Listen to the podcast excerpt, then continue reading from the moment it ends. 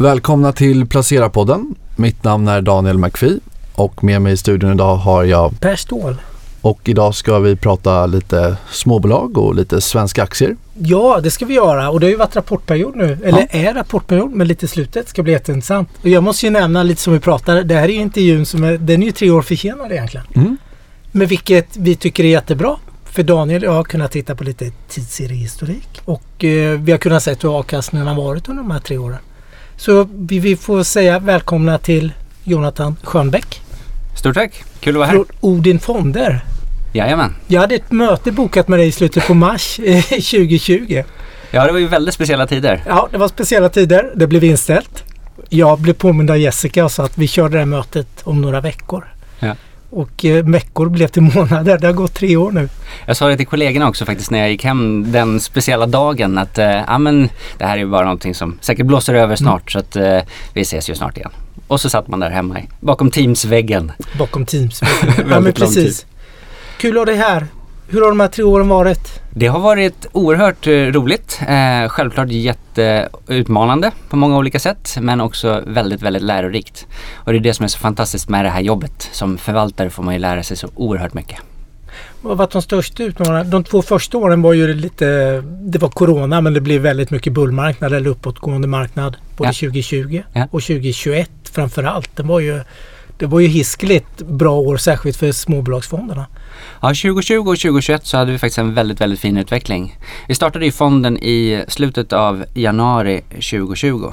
Så det var ju precis på toppen kan man väl säga. Eh, och det var väl faktiskt rätt bra i det sammanhanget för vi vill ju investera i fina, välskötta, högkvalitativa bolag. Och de är oftast inte så jättelätt att köpa sig in i. Eh, men där var det faktiskt möjligt att komma in i många av de här bolagen. Sen kom ju coronasättningen. Eh, det gick ju nästan rakt ner. Och det var ju väldigt, väldigt dramatiskt. Eh, och det är klart att det blir också en stor press som förvaltare. Nystartad fond. Eh, man vill ju verkligen göra det så bra som möjligt för alla. Och så hamnar man rakt in i den här enorma väggen eh, som det ändå kändes som. Var det svårt att få in kapital då? hade Sitta med fått in- nystartad fond och det, allt går ner liksom. Eller kände ni att... Ja, vi, vi fick ju in kapital, startade fonden eh, precis innan det här. Eh, så det var ju också väldigt tursamt får man väl ofint säga då. Eh, men sen så fick vi ju en sättning. Vi hade väldigt bra kunder i ryggen så de var lugna och trygga med våran filosofi och process och hur vi jobbar. Eh, så att vi hade liksom ingen risk att det skulle flöda ut kapital på det sättet och snarare kom det in lite mer kapital där. Och vi försökte ju faktiskt i den här enorma sättningen att köpa lite i vissa av våra fina välskötta bolag. Men då som jag var inne på tidigare så var det väldigt, väldigt svårt att få tag på lite större block i de här bolagen. Om vi bara avslutar treårsperioden med fjolåret. Om vi Ja. då 2021 var ju ett fantastiskt år på många sätt och särskilt för svenska småbolagsfonder som var en av de bästa fondkategorierna. Ja. Blev en av de sämsta fondkategorierna under fjolåret. Vad, vad tar du med dig från eh, 2022 liksom? Den här två stark uppgång till en betydligt tuffare marknad. Och för många av de här kvalitetsbolagen, förvärvsbolagen, den typen av affärsmodeller var inte lika uppskattade då. Nej, helt rätt. Det var ju väldigt, väldigt eh, speciellt årsskifte 2021-2022. Vi hade ju två år med en väldigt, väldigt fin underliggande utveckling i fonden och i bolagen. För det som var så fantastiskt var ju att våra kvalitetsbolag verkligen passade på att stärka sin position i det globala perspektivet under den här väldigt turbulenta perioden. Och det gav ju en fin underliggande utveckling. Sen fick vi också lite medvind med just kvalitetsinvesteringar. Så multiplarna gick också rätt ordentligt. Och det såg vi väldigt kraftigt under hösten 2021. Eh, det kom in många internationella namn i våra innehav och det tryckte ju upp eh, multiplar och annat lite extra. Sen vid årsskiftet där hände någonting. Eh, då förändrades eh, marknadens syn på skuldsättning, på tillväxt och förvärv och liknande och därför blev det en snabb och dramatisk omställning. Och sen kom ju det oerhört tragiska kriget i Ukraina också ovanpå det. Så det blev en väldigt snabb och dramatisk förändring där i scenperspektivet. Och vi har ju startat Odin Small Cap och tänkt att det ska vara en småbolagsfond på riktigt om man uttrycker sig så. Så vi har haft väldigt eh, lågt genomsnittlig bolagsstorlek. Eh, runt 12 miljarder ungefär, vilket är väldigt lågt om man jämför med många andra småbolagsfonder där ute. Och det straffade väl oss under 2022, men det hade ju gynnat oss då 2020 och 2021 istället. Så det är väl klart att då fick vi liksom positionera om fonden lite eh, i att liksom köpa några av de större innehaven och vi hade till exempel ett Axfood i portföljen då. Men det blev faktiskt också market för stort i slutet av våren där 2022.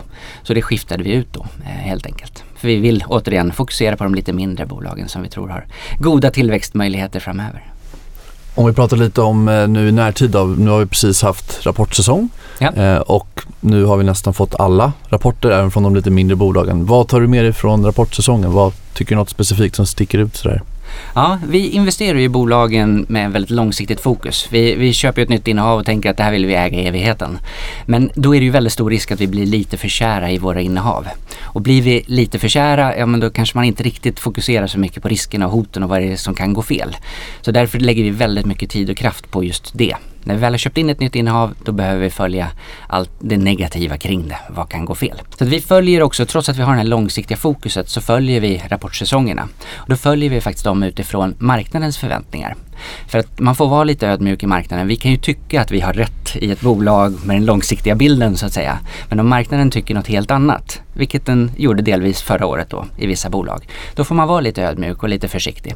Så vi trackar faktiskt rapportperioderna utifrån utfallen, hur bolagen levererar givet den förväntansbild som är där ute på lite olika parametrar. Och det vi kunde konstatera nu då det var väl att eh, till exempel kassaflödena var faktiskt rätt bra i den här senaste rapportsäsongen. Eh, I våran Sverigefond så är ju rapportsäsongen helt avslutad. Däremot small cap så återstår det några rapporter fortsatt. Så vi får se hur den summeras ihop.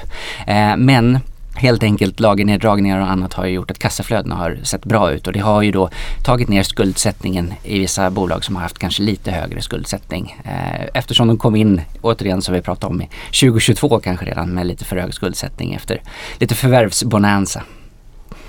Och vad tycker du om man nu säger det att kassaflödet har förbättrats för att lagerhållningen har dragits ner men har du någon känsla för efterfrågan framåt för många av de här bolagen och hur, hur tycker du det framåtblickande ser ut? Ja, det är ju det som är faktiskt det, det lite svåra och lite intressanta att reflektera över just den här tre, treårsperioden. Eh, för att än så länge så ser vi ingenting negativt egentligen från bolagen. De är, orderingången är fortsatt helt okej. Okay. Eh, vi ser en bra eh, försäljning. Eh, däremot så i vissa fall så tyngs just eh, marginalerna lite av att man verkligen vill få ut eh, försäljningen för att eh, man helt enkelt köper komponenter lite för dyrt bara för att kunna leverera de här produkterna som man har tillverkat nästan färdigt. Eh, så att vi har en situation som alltid där det är svårt för att eh, det är helt enkelt så att bolagen är oftast tyvärr de sista att berätta att nej men nu, nu står vi inför en vägg. Eh, och vi hade liksom extremt positiv outlook faktiskt eh, i Q4-säsongen 2019, alltså den som kom där precis när vi startade fonden. Då var bolagen väldigt, väldigt positiva. Och sen så kom ju helt plötsligt då den här coronaväggen.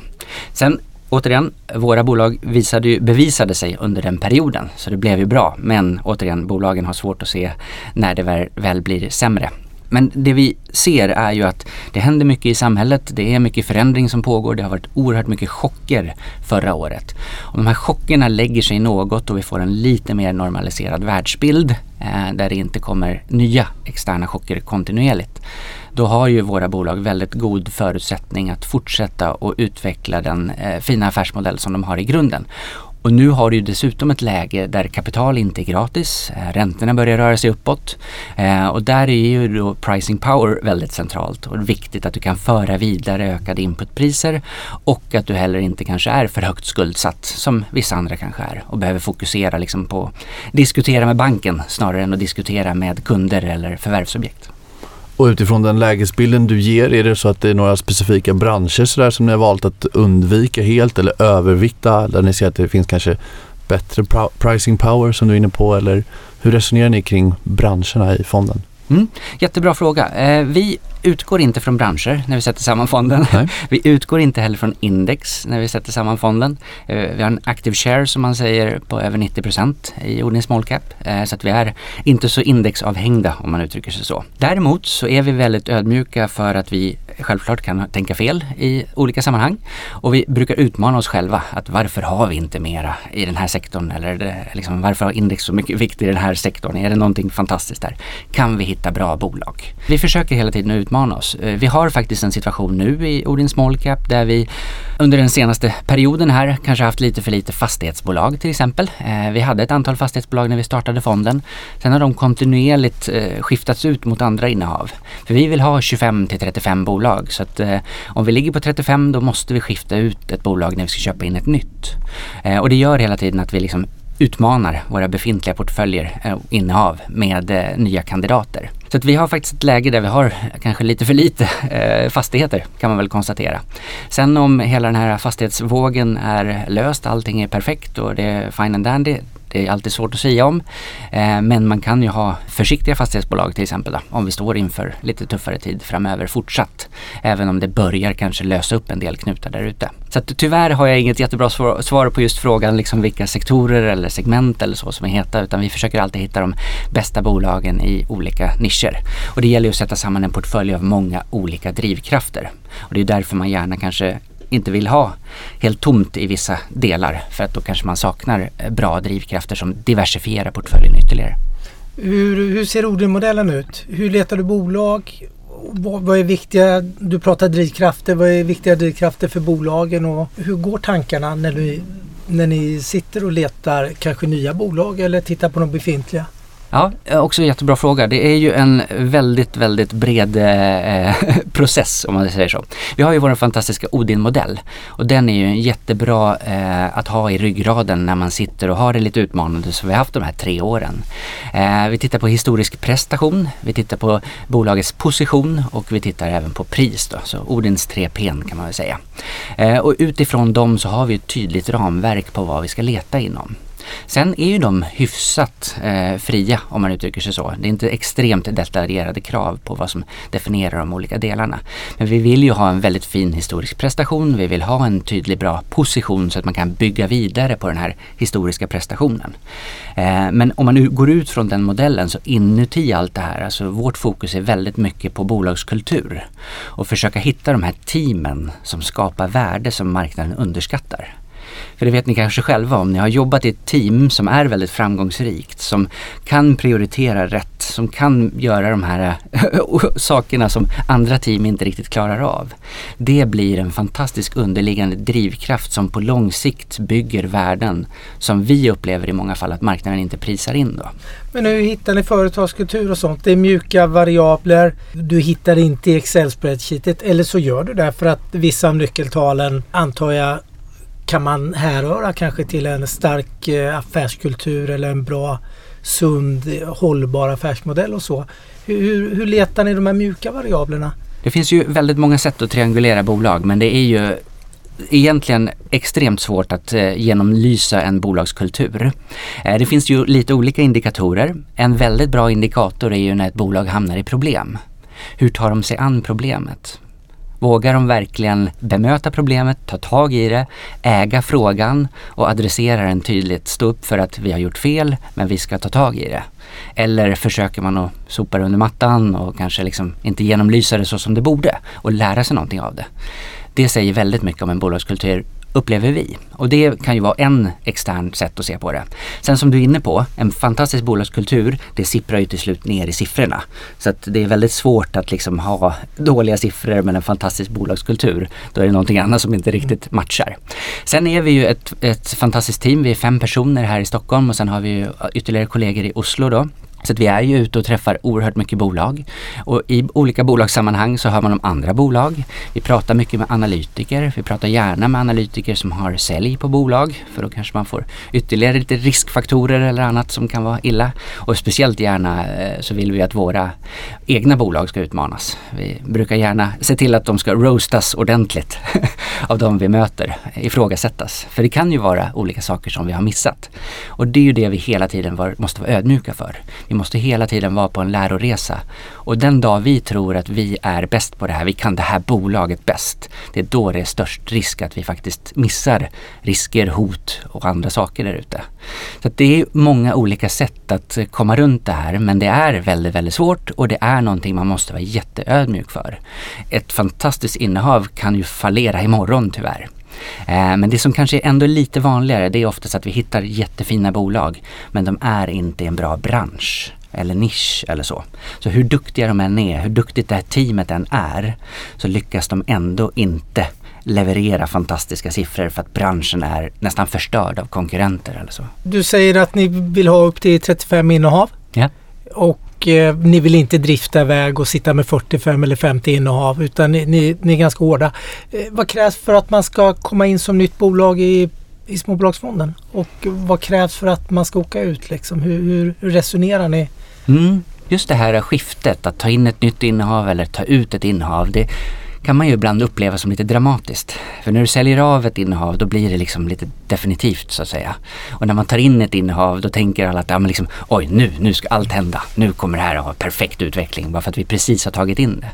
Men vi jobbar ju väldigt mycket med våra vikter och vi är liksom därigenom rätt så dynamiska upplever vi. Men just den här disciplinen i att säga att vi ska ha 25 till 35 bolag. För vi vill ju vara fokuserade. Vi vill inte vara för liksom utspridda. Återigen, vi, vi, utgår inte från ett index så vi behöver liksom inte tänka utifrån det och tänka att vi måste ha liksom så många bolag för att klara av att liksom vara indexnära eller så. Det, det liksom finns inte i våra huvuden. Och när du har det här regeln att du får aldrig bli mer än 35 innehav, då blir det ju verkligen det här att liksom, man kanske haft något bolag som har varit fint men som har utmanats allt mer. Branschen har blivit sämre eller någonting annat har försämrats kontinuerligt. Och sen så har du kandidatlistan som kontinuerligt utmanar befintliga innehav. Då känner man till slut att nej, men, nu är faktiskt det här ett bättre portföljkomplement och det här bolaget har bättre förutsättningar framöver. Deras position är starkare för att bygga värde framöver än det här som kanske har en låg vikt redan för att vi har sakta kontinuerligt sålt ner i det. Så det blir väldigt dramatiskt just i de här skiftena. Men för oss är det inte lika dramatiskt och det är också viktigt att se till att det inte blir för dramatiskt. För då sitter man ofta kvar med den där surdegen som man kanske borde ha släppt för ett tag sedan. Hur gör ni spelet med vikterna som du pratar lite om? Hur pass tungt investerar ni där ni har störst tro på? Och de minsta innehaven eller vikterna, är det bolag som är på väg ut eller man köper in det med små vikter? Hur, hur ser fonden ut så? Mm. Vi försöker jobba kontinuerligt med vikterna. Vi tar oftast inte några dramatiska beslut om att nu ska vi dubbla, tredubbla vikten eller förändra stort. Vi gjorde faktiskt det vid ett tillfälle i small cap, en väldigt speciellt tillfälle. Återigen, vi startade precis innan corona. Vi fick ju en oerhört snabb sättning eh, i många aktier. Eh, vi hade Sinch i portföljen då, på den tiden. Eh, och eh, de gjorde ju ett förvärv i Brasilien av Wavy och gick ut till marknaden och ville ha in kapital. Det här var ju oerhört turbulent tid. Eh, det var ju några dagar där när börsen föll dramatiskt. Och ändå vågade bolaget agera och det var också ett väldigt stort intresse från marknaden att delta i den här emissionen. Då faktiskt så dubblade vi faktiskt positionen då från eh, 3 till 6 procent. Eh, och det var i princip botten för börsen där. Och sen så lät vi den jobba eh, och vara aktiv så att säga. Så den låg från tid till annan upp mot 9 procent men vi låg kontinuerligt och sålde. Och sen så i slutet av det året så var faktiskt market cap så pass stort att vi släppte ut det bolaget helt. Då. Men det hör lite till undantagen. Annars jobbar vi lite mer kontinuerligt med att moderera positionerna. Vad är ni komfortabel med? Hur stora innehav? 9% känner jag att eh, eh, det var en nedgångsföreteelse eller det kanske är igen när tillfället kommer. Men är, är det mer 5-6 procent så ni känner att så stora ska innehaven vara ungefär? Ja, det är ju många faktorer som vägs in i det. Eh, har bolagen förutsättningar för att växa fint framöver? Likviditeten får man ju också vara väldigt ödmjuk för i small cap-perspektivet. Eh, men vi kan ju rent formellt sett inte ha mer än 10% vikt i ett enskilt innehav för vi följer UCITS-reglerna om diversifiering då. Och det gör att vi helt enkelt eh, har internt lite 9% som en regel så att man inte kommer för nära också. Så att eh, vi, vi är bekväma att äga upp till 9% eh, i ett enskilt innehav. Det har vi inga problem med. Och vi äger också enskilda bolag bolag så är vi också så stora ägare så att vi äger så mycket av enskilda bolaget också om man uttrycker sig så. Och därför sitter vi i valberedningar och är aktiva ägare också. Så vi försöker att vara nära bolagen och vara med och påverka. Eh, men absolut, vi har inga problem att ha bolagen på 9% om förutsättningarna är helt rätt. Men man får vara väldigt ödmjuk då. Och riskerna är ju absolut större. Har du en vikt på 1 eller 9% det gör ju enorm skillnad i vilken utveckling du får eh, om aktien rör sig uppåt eller neråt under den perioden du äger den då.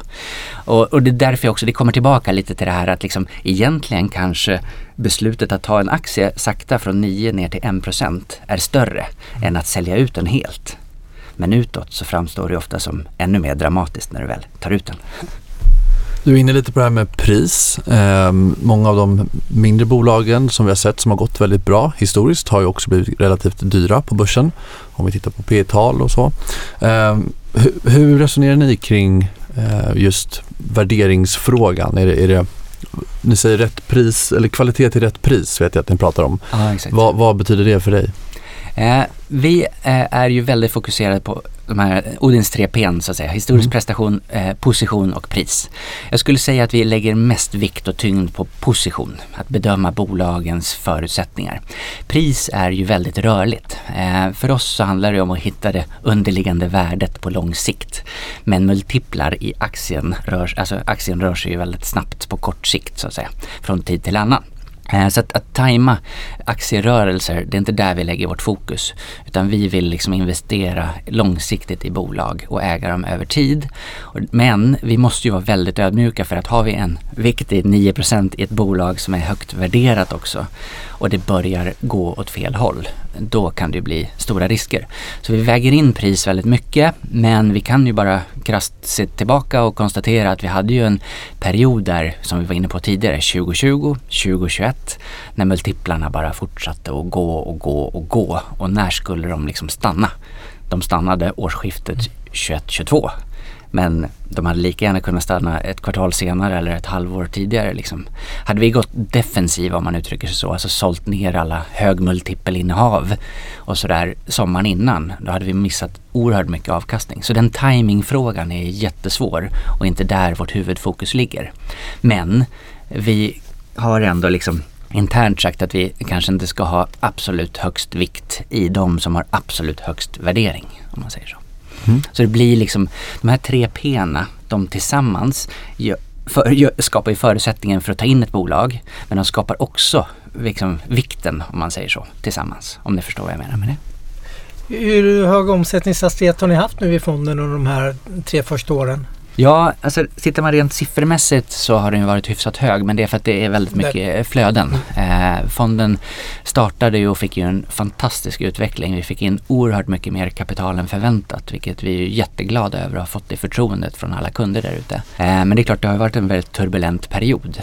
Men vi försöker ju inte ha för hög omsättningshastighet. Sen kan man ju bara konstatera att några innehav som vi köpte in där i, när vi startade fonden i början av 2020, de fick det ju väldigt väldigt utmanande med de nya förutsättningar som hela samhället gick in i eh, under 2020. Så att vi under år, de två första åren så var det väl lite högre omsättningshastighet än, än vad det normalt sett ska vara. Eh, historiskt så någonstans kanske tre till fyra innehav in och ut per år är väl liksom någonstans mm, ja, vad man kan tänka sig. Sen återigen i small cap-spacet så kan det ju ibland hända saker som gör att man måste agera snabbare och att det kan bli ändå lite mera eh, köp och sälj än så. Till exempel om ett innehav som Axfood blir för stort helt enkelt market cap-mässigt. Är det något innehav ni har sålt under den här resan som ni har kommit tillbaka in i? För att det kommer ner så mycket i pris under fjolåret eller något sånt? Har du något sånt exempel? Eh, nej, inte än så länge faktiskt. Eh, inte som vi har gått ur och sen kommit tillbaka in. Men eh, det finns definitivt eh, några som eh, ligger nära där. Men inga jag kan nämna just nu. Hur, hur stort univers har ni som ni tittar på? Jag, jag, vi, vi, vet ju hur stort småbolagsuniversitet är men hur många når era tre Odins tre P hur många bolag liksom tangerar runt där som ni har på bevakningslistan som du pratar lite om och sådär?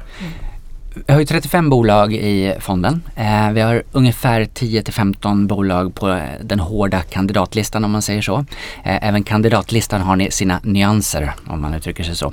Eh, och sen så kan man väl säga att det ungefär är någonstans 100 bolag till där ute ungefär som cirkulerar kring att liksom bli starkare kandidater. Så att vi har faktiskt en, en skala på 1 till 5 kan man väl säga. Eh, 1 då liksom känns det som ett perfekt core holding, alltså ett bolag som man bara vill äga över tid nästan oavsett hur, hur det går. Självklart måste man alltid om, omvärdera men vissa har det ju liksom från tid till annan lite utmanande på kort sikt men man vet att underliggande är det väldigt bra. Eh, två det är väl lite mer sådär liksom att ja, det här är riktigt bra bolag men de har ändå sina tveksamheter. Tre då är man nära kandidat och fyra då är man liksom runner-up och fem då är man kanske en, en bra bit bort men ändå i, i, i våran lilla, lilla radar så att säga. Så vi jobbar på det sättet för att få lite dynamik i de här listorna så att inte kandidatlistan blir för statisk heller. Hur många är ni som hjälps åt med det här digra arbetet? Ja exakt, vi är fem stycken här i Stockholm. Eh, det är då jag och sen så är det Hans Christian Bratterud som är förvaltare också. Och sen så är det Carolina Anemark som är analytiker, eh, Filip Mesch som också är analytiker och Peter Nygren som också är analytiker. Och för oss är det ju väldigt viktigt att vi har liksom samma grundtanke, samma grundfilosofi, samma syfte eh, får man väl säga. För att vi måste ha ett tydligt purpose om vi ska kunna ha den här passionen som vi har. Och du måste ha en enorm passion för det här, för det här är ett slitsamt yrke. Det händer mycket hela tiden och det är mycket utmaningar och man är väl genomlyst och det är många som ifrågasätter den. Så det är utmanande men det är också oerhört roligt och givande för man lär sig väldigt mycket men man får också faktiskt eh, tävla lite mot oerhört duktiga konkurrenter där ute eh, som man ju vill vinna tillsammans med men gärna vara lite bättre.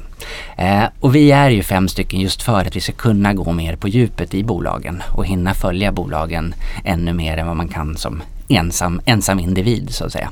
Och framförallt också så har vi då, återigen jag var inne på det här med starka team.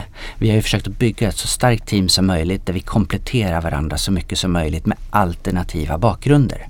För det är så lätt att man liksom möter någon och så tänker man, ja ah, men han är som mig, den här, eller hon är som mig. Det blir perfekt rekryt. Men det är ju inte det som är den perfekta rekryten. Den perfekta rekryten är ju den som verkligen ifrågasätter den så bra som möjligt. Ja det handlar ju om, ja men precis, det handlar väl mycket om att våga utmana sig själv lite ja. när man anställer någon Verkligen. som inte kanske, som du är inne på, tänker likadant och kan ifrågasätta och vågar ifrågasätta. Ja. Och kan andra kunskaper också. Vi är ju alla överens om Odin-modellen. Vi är alla överens om grundförutsättningarna. Så de behöver vi liksom inte diskutera och lägga tid på. Men vi har alla olika bakgrund, vi har alla olika med oss in i diskussionerna. Och det är det som gör det så bra. För då kan vi ju ifrågasätta varandra. Och det, alltså just det här ifrågasättandet, det är ju extremt viktigt. Men det är det som många kanske har lite svårt med.